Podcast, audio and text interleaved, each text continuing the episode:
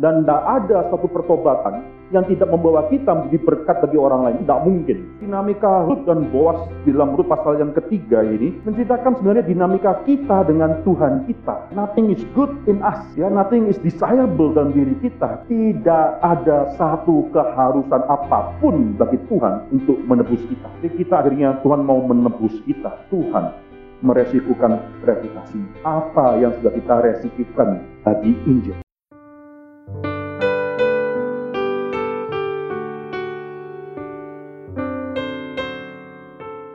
Saudara, saya akan terus melanjutkan mengenai eksposisi dalam kitab Rut, saudara. Mari kita buka Rut. Dan kita akan masuk dalam pasal yang ketiga. Dan kita akan membahas atau memikirkan mengenai pasal yang penting ini, saudara. Kita Rut pasal yang ketiga, kita akan membaca dari ayatnya pertama sampai dengan ayat terakhir, ayat yang 18 secara bertanggapan. Dan inilah firman Tuhan, Rut dan Boas di tempat pengirikan. Lalu Naomi mertuanya itu berkata kepadanya, Anakku, apakah tidak ada baiknya jikalau aku mencari tempat pelindungan bagimu supaya engkau berbahagia?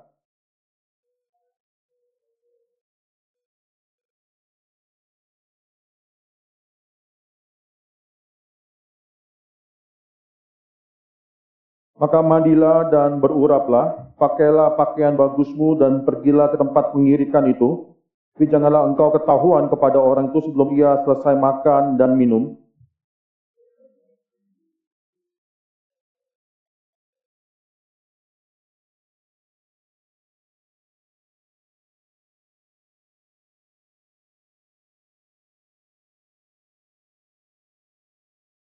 Lalu kata Rut kepadanya, segala yang engkau katakan itu akan kulakukan.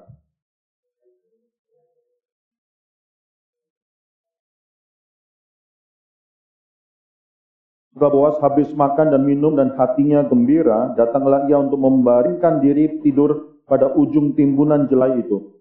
Kemudian datanglah perempuan itu dekat dengan diam-diam, disingkapnya lah selimut dari kaki Boas dan berbaringlah ia di situ.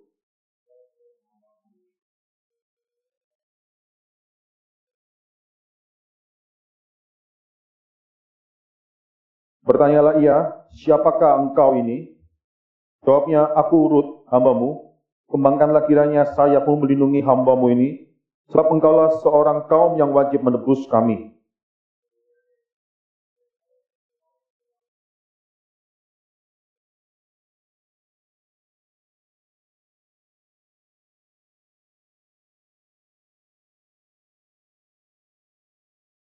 Oleh sebab itu anakku janganlah takut, segala yang kau katakan itu akan kulakukan kepadamu, Sebab setiap orang dalam kota kami tahu bahwa engkau seorang perempuan baik-baik.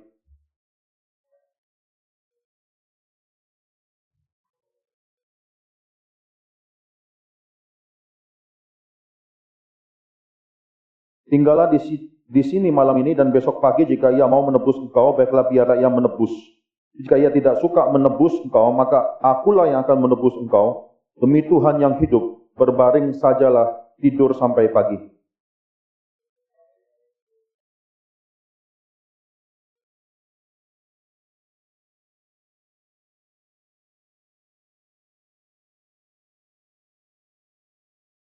Lagi katanya, berikanlah selendang yang engkau pakai itu dan tandahkanlah itu. Lalu ditandahkannya selendang itu, kemudian ditakarnya lah enam takar jelai ke dalam selendang itu. Sesudah itu pergilah Boas ke kota.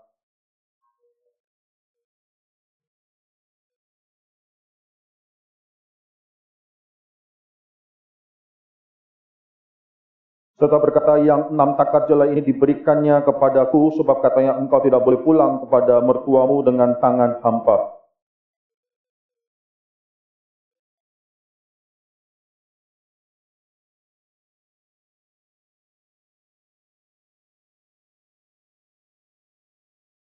Mari kita tundukkan kepala kita masuk dalam doa. Kami bersyukur ya Tuhan untuk firman Tuhan yang sudah kami baca di dalam pagi hari ini.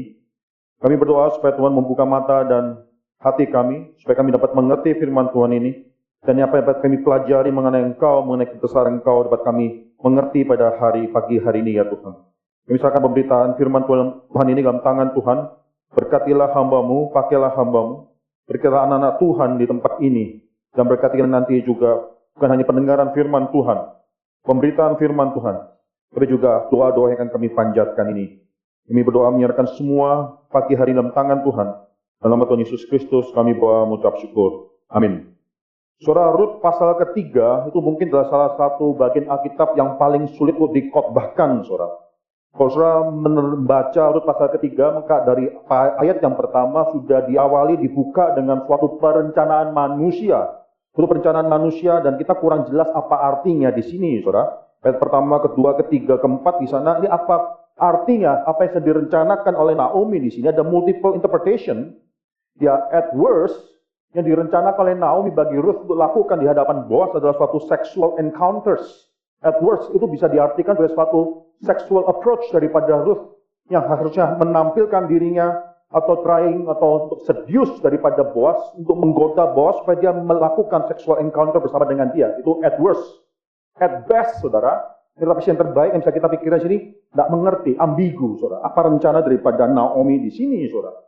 Saudara kalau saudara melihat bagaimana cerita ini berkembang, saudara maka saudara bisa melihat nanti ketika Ruth berhadapan dengan Boaz, Ruth akhirnya propose marriage kepada Boaz.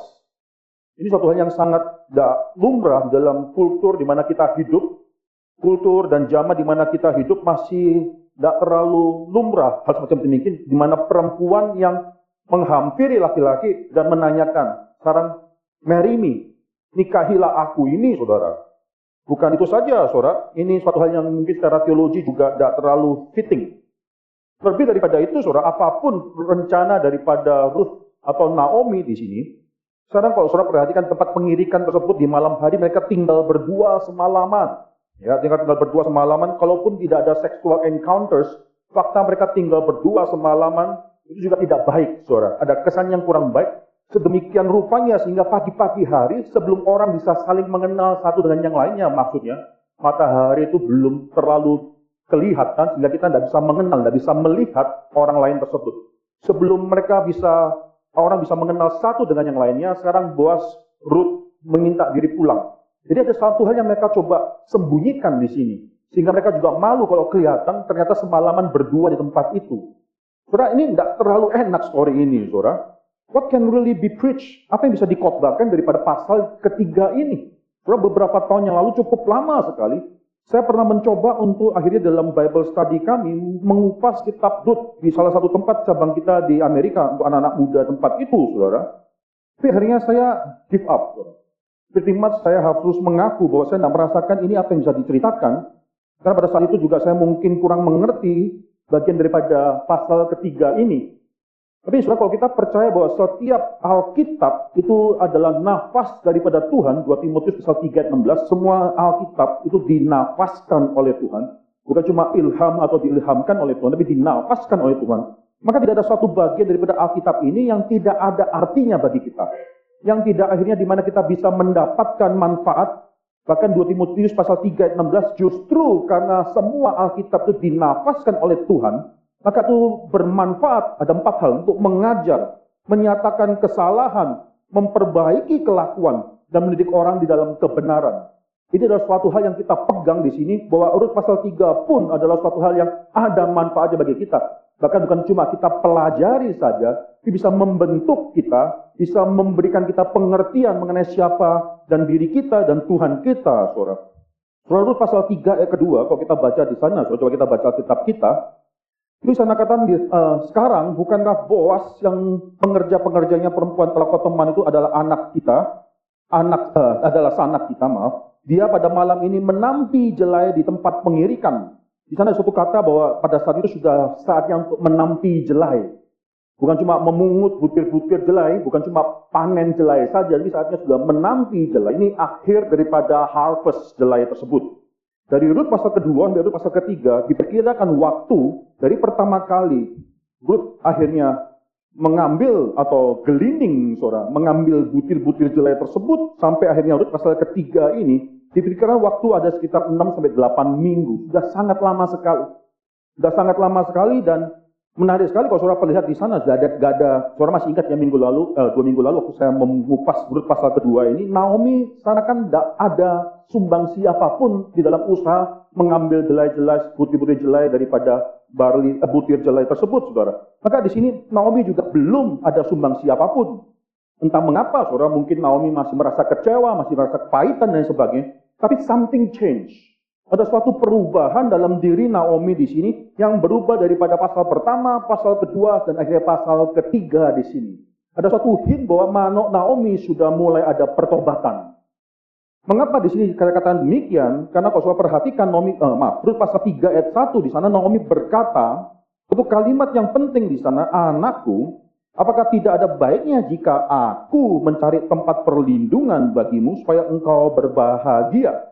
Sekarang saudara, sebelum menurut pasal ketiga ini, dalam menurut pasal yang pertama, pasal yang kedua, tiga orang saja yang Naomi pikirkan dalam hidupnya dia.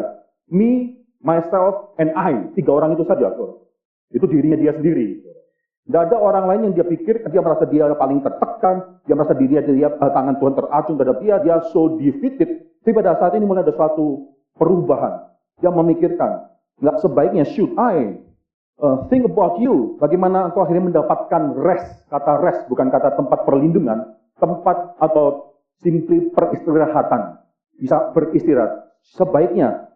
Apakah tidak ada baiknya? Apakah nggak sebaiknya aku mencari tempat atau peristirahatan bagimu supaya engkau berbahagia? Surah pertobatan membuat kita berubah bukan hanya secara relasi kepada Tuhan, itu diperubahkan dalam pertobatan kita, itu juga relasi kepada sesama kita. Pertobatan membuat kita yang tadinya melihat diri kita sendiri lebih daripada orang-orang sekitar kita. Kita melihat diri kita menjadi fokus daripada segala sesuatu yang terjadi dalam hidup kita. Sekarang pertobatan merubah tersebut menjadi suatu hal yang membuat kita melihat orang lain. Pertobatan membuat kita mata melihat diri, sekarang dirubahkan oleh Tuhan sehingga kita melihat orang lain. Dan tidak ada satu pertobatan yang tidak membawa kita menjadi berkat bagi orang lain. Tidak mungkin. Tidak ada suatu pertobatan yang akhirnya tidak membawa kita menjadi berkat bagi orang lain. Kalau di sini pasal ayat yang pertama sangat menarik sekali, saudara. Um, shouldn't I think about your rest? Saudara, kata ini adalah suatu kata yang sayangnya di sini dikatakan tempat perlindungan. Memang ada mungkin konotasi ke sana, tapi lebih tepat peristirahatan. Dan ini adalah meneruskan tema daripada pasal yang pertama. Setelah mereka mengalami semua kemalangan ini, mereka semua perempuan-perempuan ini kehilangan laki-lakinya mereka. Sehingga tidak satu orang pun di dalam keluarga itu menjadi, bisa menjadi backbone yang bisa menjaga dan menjamin hidup mereka. Maka seorang Naomi sangat menginginkan baik Ruth maupun Orpa pulang ke rumah ibunya.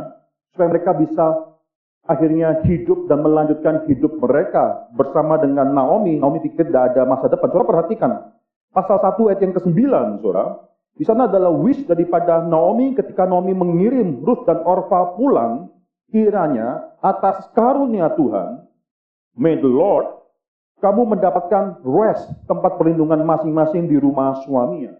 Saudara ini adalah doa daripada Naomi, pulanglah, dan kiranya Tuhan memberikan engkau rest, tempat perlindungan atau lebih tepat Translation adalah tempat peristirahatan atau simply peristirahatan bagimu di tempat suamimu tersebut.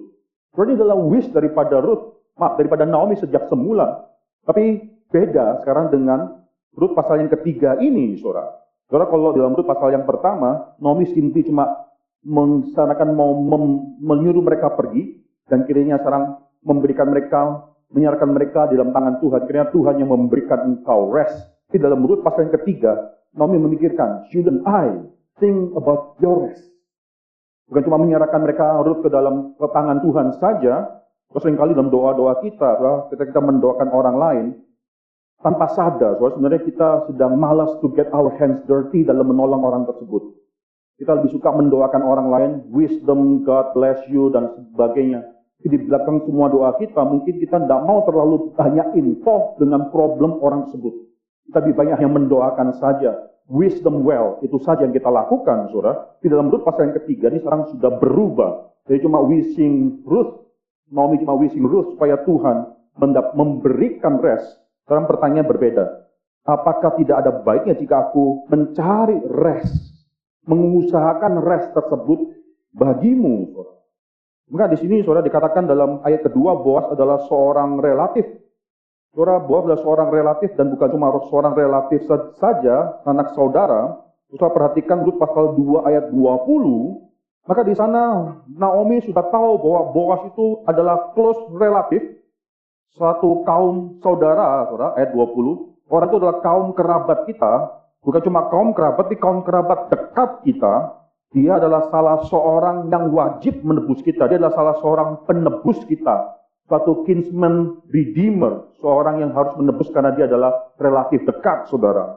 Maka saudara di sini um, suatu hal yang sudah mulai direncanakan. Saya tidak tahu saudara apa yang terjadi dalam pemikiran daripada Naomi di sini. Tapi mungkin berminggu-minggu dia terus berpikirkan mengenai bagaimana mungkin akhirnya kondisi Ruth ini bisa menjadi suatu kondisi yang lebih baik.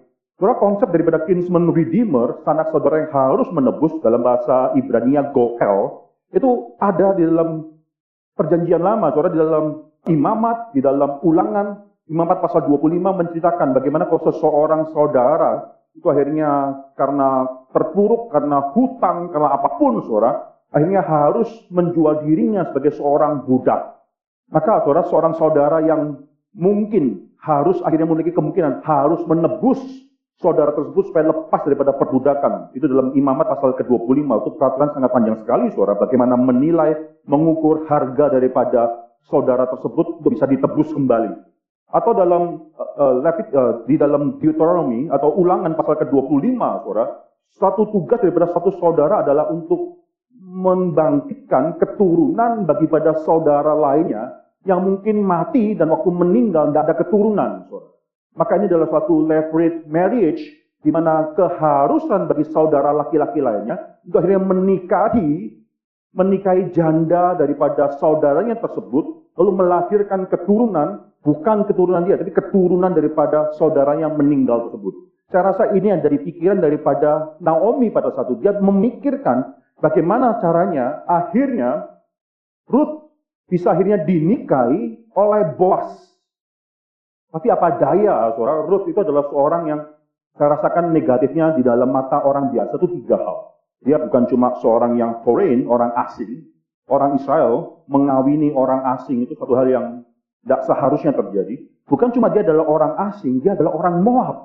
Orang Israel itu diajarkan supaya tidak bergaul bersama dengan orang, bahkan tidak boleh masuk dalam congregationnya orang Moab atau orang Moab masuk dalam congregationnya orang Israel. Ini orang asing, orang Moab janda lagi. Saudara, siapa yang masih mau sama Ruth dalam hal ini? Maka saudara menarik sekali dalam saudara baca dalam pasal 3 ayat eh, pasal 3 ayat 3 sampai 4, saudara. Di sana Naomi mengatakan bahwa Ruth harus mandi, lalu saya tidak usah ngomong banyak-banyak di sana, pretty much make yourself pretty. Ya, mungkin dengan make up dan sebagainya, make yourself pretty untuk seorang akhirnya menyamperi dan menghampiri boas tersebut. Kalau saat ini banyak sekali orang yang merasakan bahwa hal-hal tersebut ya, itu tidak terlalu rohani ya. Nah, ada orang yang mengatakan bahwa orang reform itu demikian rohaninya sampai hal-hal semacam demikian, uh, mungkin make up dan lain sebagainya itu tidak terlalu penting gitu ya. Karena di sini ini, ini lain, saudara ya. Ini ini ada ada memang ada suatu cara di mana Ruth disuruh akhirnya oleh Naomi untuk make yourself make yourself pretty, mandi, beruraplah, pakailah pakaian yang bagusmu itu, lalu pergilah ke tempat pengirikan itu, saudara. Saudara ayat yang keempat tidak gampang dimengerti. Ya, jika ia membandingkan diri, dari tunggu, tunggu, bukan cuma pergi, tapi tunggu, tunggu lihat sampai si bos ini makan, minum, lalu tidur, membandingkan diri tidur, baru pada saat itu Ruth harus menghampiri, lalu ke tempat di mana ia berbaring, kemudian datanglah dekat, ya, datanglah mendekat. Singkapkanlah selimut dari kakinya, berbaringlah di sana. Sudah tiga kata kerja ini, sudah datanglah mendekat, singkapkanlah selimut, berbaringlah di sana. Itu bisa diartikan negatif semua. Termasuk misalnya singkapkan selimut, buka selimut daripada kakinya tersebut. Itu maksudnya apa? Salah satu interpretasi mengatakan bahwa itu berarti to uncover the nakedness, membuka sampai kelihatan nakedness tersebut, saudara. Saudara, apakah yang di sini yang dimaksudkan oleh penulis Alkitab? Saudara, saya rasa pengertian-pengertian sangat negatif ini tidak ada dasarnya, saudara. Mengapa saya katakan demikian? Menarik, saudara, walaupun saudara, kalau saudara perhatikan, orang Moabite itu memang memiliki reputasi yang jelek. Kalau saudara buka, saudara, saya sebelum memberikan alasan mengapa saya rasa itu salah kok. Ada orang yang menginterpretasi yang demikian kalau saudara buka dalam bilangan pasal ke-25. Bilangan pasal yang ke-25 itu perempuan-perempuan Moab dikatakan itu akhirnya sedius orang-orang Israel untuk melakukan seksual immorality dan akhirnya idolatry. gara-gara perempuan Moab tersebut, maka orang-orang Israel akhirnya mengawini mereka dan akhirnya dari hubungan tersebut akhirnya menyembah ilah-ilah daripada orang-orang Moab. Maka di sini saudara perempuan Moab itu reputasinya tidak terlalu baik, saudara. Ditambah lagi, in fact, kalau saudara perhatikan, asal usul daripada orang Moab itu juga daripada sexual immorality. Jadi daripada Lot dan siapa? Dan anak perempuannya yang paling tua tersebut. Maka saudara reputasi orang Moab tidak terlalu baik. Apakah mungkin maksud daripada uh, Naomi di sini adalah mengatakan Ruth, sekarang make yourself pretty, ya kasih minyak minyak wangi buat engkau akhirnya tertarik dan present yourself sebagai seorang prostitut di hadapan Boas. Bukankah itu memang reputasi orang Moab? Orang Moab memang terkenal dengan enticement daripada mereka untuk menarik orang-orang Israel akhirnya mengawini mereka dan sebagainya. Apakah ini yang dimaksudkan oleh Boas supaya Ruth lakukan? Saya percaya ini tidak ada dasarnya, saudara. Mengapa demikian? Kalau saudara perhatikan dalam Ruth pasal yang kedua ayat yang pertama, Nah ini salah satu uh, tempat di mana translation bahasa Indonesia kurang tepat di sini. Ruth pasal 2 ayat pertama, Naomi itu mempunyai seorang sanak dari pihak suaminya, seorang yang kaya raya dari kaum Elimelek, namanya Boas. Di sana kan dikatakan Boas adalah seorang yang kaya raya. Tapi dalam bahasa aslinya yang ditekankan memang Boas adalah seorang yang kaya, mungkin kaya raya juga memang benar, saudara. Tapi ditekankan di sana bukan kekayaan daripada Boas, tapi ditekankan di sana seharusnya adalah karakter daripada Boas. Kalau saya baca dalam bahasa Inggrisnya, now Naomi had a relative of her husband's, a worthy man of the clan of Elimelech, whose name was Boaz, a worthy man. Bukan man of worth, saudara. Bukan orang kaya, tapi a worthy man. Seorang yang memiliki karakter yang baik. Seorang memiliki karakter yang reputable. Boas sejak semula dikenalkan sebagai orang yang berkarakter. Bagaimana Boas akhirnya menyapa Ruth pertama kali. Ketika orang lain panggil Ruth adalah seorang Moabite, Ruth the Moabite, Boas memanggil dia sebagai my daughter, anakku. Itu suatu perkataan yang luar biasa sekali. Bahkan perkataan pertama yang keluar dari mulut Boas kepada para uh, uh, uh, pegawai-pegawai tersebut adalah blessing. Ya diberkatilah mereka tersebut. Saudara Boas adalah seorang yang berkarakter baik. Ruth, walaupun adalah orang Moabite, adalah seorang yang berkarakter yang indah pula, saudara. Saudara bisa melihat Ruth pasal yang kedua ayat yang keenam, saudara, misalnya. Hujang yang mengawasi penyabit-penyabit itu menjawab, dia adalah seorang perempuan Moab. Dia pulang bersama-sama dengan Naomi dari daerah Moab. Jadi ini sudah terkenal apa yang Ruth lakukan bagi mertuanya Naomi tersebut, saudara. Ini sudah dikenal di kalangan orang-orang Israel di Bethlehem pada saat itu. Ayat yang ke-11, saudara. Boas menjawab, telah dikabarkan orang kepadaku, pasal 2 ayat 11, saudara ya. Telah dikabarkan orang kepadaku dengan lengkap segala sesuatu yang engkau lakukan kepada mertuamu sesudah suamimu mati dan seterusnya, saudara. Jadi reputasi Ruth sudah sangat dikenal. Kalau saudara baca pasal 3, Ayat yang ke-11, oleh sebab itu anakku, pasal 3 ayat 11, janganlah takut segala yang kau katakan itu akan kulakukan kepadamu, sebab setiap orang dalam kota kami tahu bahwa engkau seorang perempuan baik-baik, saudara. Jadi saudara di sini bukan cuma itu saja, ini karakter daripada Ruth juga dikenal oleh orang tempat itu. Tidak mungkin interpretasi mengatakan bahwa Ruth itu mau melakukan suatu sexual encounter pada saat itu seduce daripada Boas, tidak. Firut memang mau supaya Boas memelihara dia, mengawini dia, terus memang mengatakan kalimat tersebut dan Boas akan melakukan sesuatu theological understanding di belakang hal ini, saudara. Sampai di sini, saudara, cukup bagi kita untuk mengetahui bahwa ini bukanlah suatu hal yang negatif, saudara, dalam arti bahwa ini kompromi secara seksual yang terjadi pada hari itu, pada malam itu di tempat pengirikan ini. Saudara, apa yang bisa kita pelajari di sini, saudara? Kalau saudara perhatikan, ini adalah story daripada penebusan Tuhan. Cerita penebusan Tuhan. Ruth sadar, menyadari dirinya adalah seorang yang perlu ditebus. Dia sadar dia dalam kondisi yang terpuruk, dia perlu seorang penebus untuk menebus diri dia. Ruth sadar akan hal tersebut.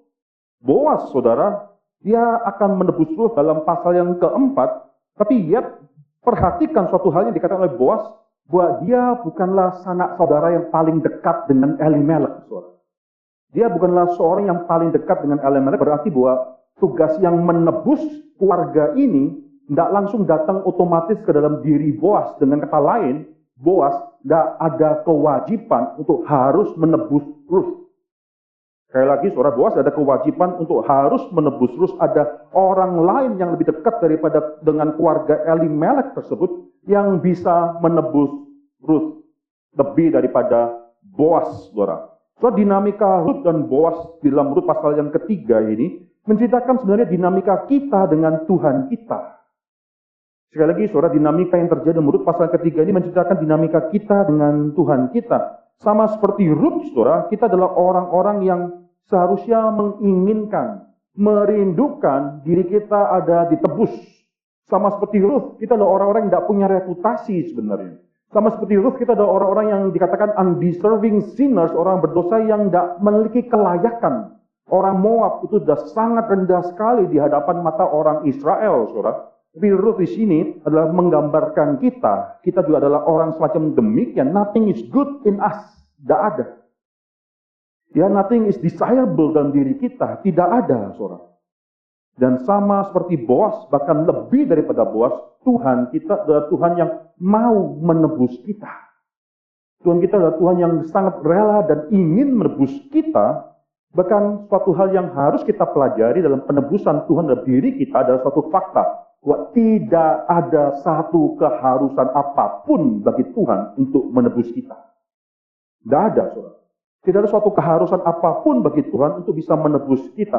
Saudara kita tidak usah mengerti apa maksudnya ada penebus yang lainnya. Ini, ini suatu hal yang tidak ada poinnya untuk dibicarakan. Saudara. Tapi poin yang paling penting adalah bagi Boas pada saat itu dia tidak ada keharusan untuk menebus Ruth, tapi dia mau menebus Ruth. Maka di sini saudara Tuhan tidak ada keharusan untuk menebus kita di understanding sinners macam demikian. Jadi kita akhirnya Tuhan mau menebus kita. Ini gambar daripada penebusan kita.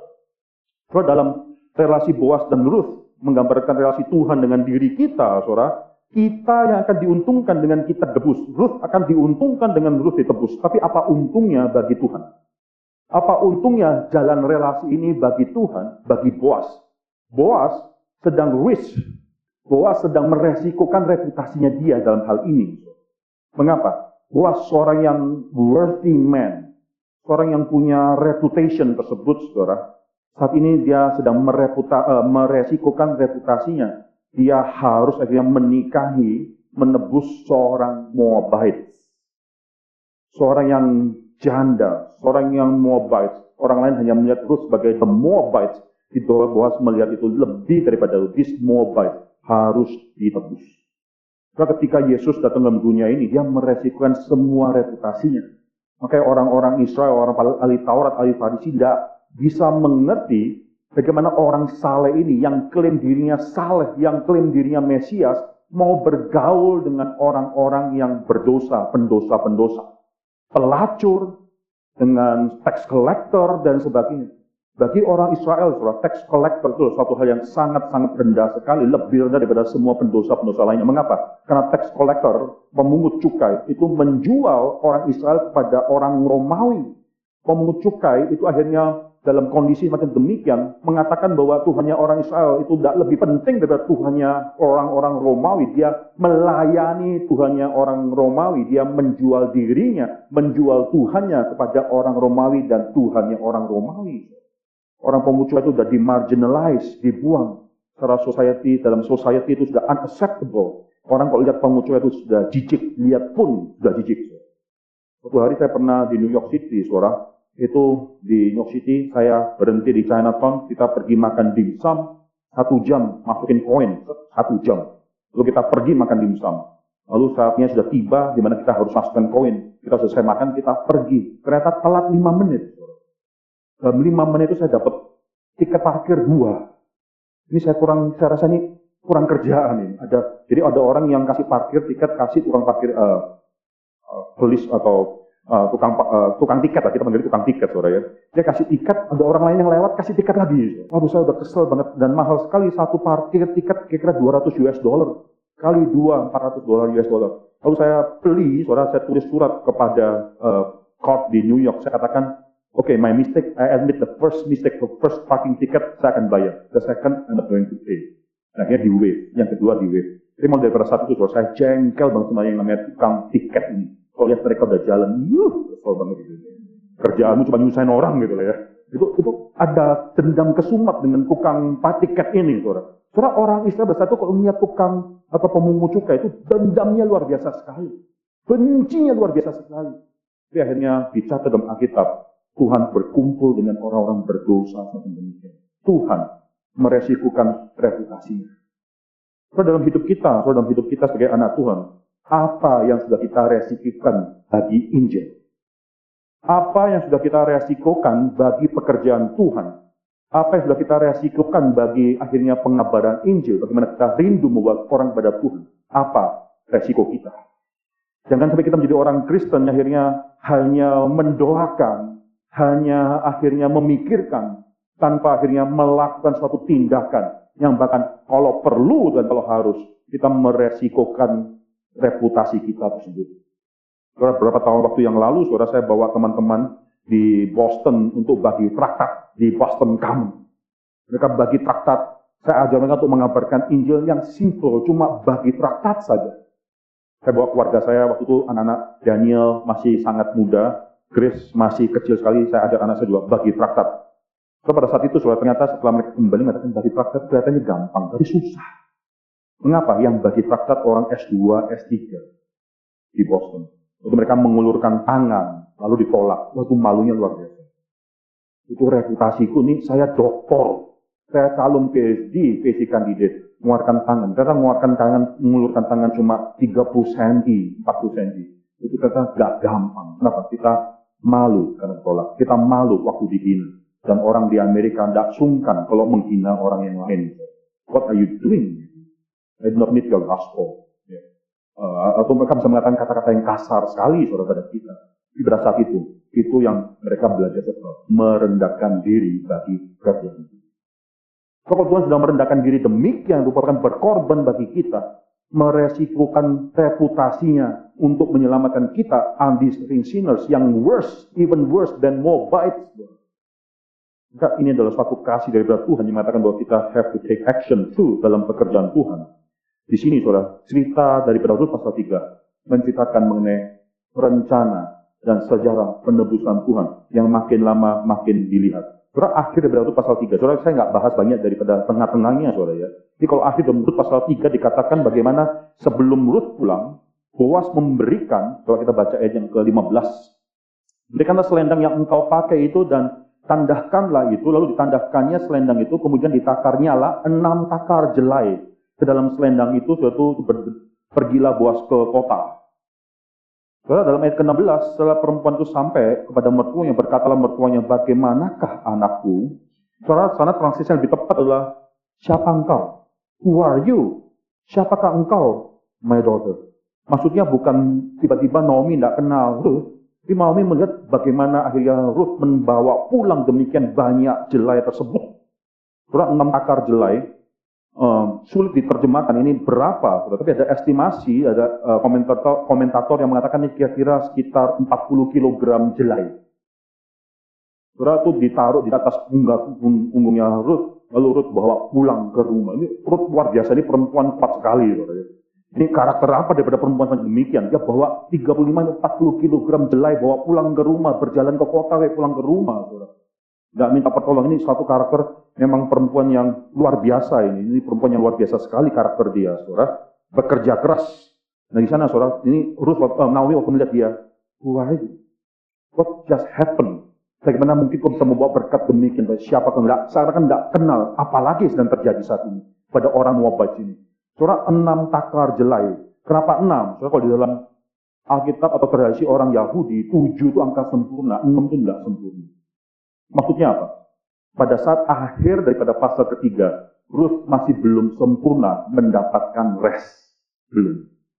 Dia masih belum ditebus oleh Boas. Tapi nanti kesempurnaan rest daripada Ruth terjadi di dalam pasal yang keempat. Baru sempurna cerita daripada Ruth ini. Tuhan bekerja dalam hidup dia. Sekarang mari kita menikmati pekerjaan Tuhan yang Tuhan nyatakan dalam diri Naomi dan Ruth. Dan kiranya Tuhan ini mengingatkan kita pada betapa besar karunia dan berkat yang Tuhan berikan pada kita di undeserving sinner dan apa yang Tuhan juga minta daripada kita untuk kita lakukan. Mereka tundukkan kepala dan kita berdoa. Bapak dan Surga kami bersyukur untuk firman Tuhan setelah kami dengarkan.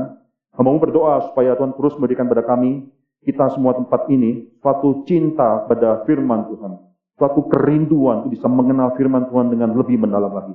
Ajar kami tidak ada satupun dalam firman Tuhan yang tidak artinya, tidak ada artinya bagi kami semua. Ajar kami untuk bisa melihat kedalaman daripada firman Tuhan, sehingga kami mudah dibentuk oleh firman Tuhan.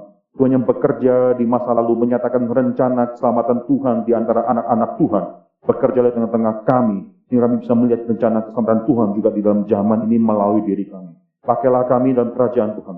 Lagi kami menaikkan doa-doa kami, berilah kami suatu hati yang rindu berdoa, mengenal, ap, mengerti apa yang harus kami doakan, dan kami bisa memiliki kerinduan dan kesukaan dalam berdoa. Dalam nama Tuhan Yesus Kristus kami doa mengucap syukur. Amin.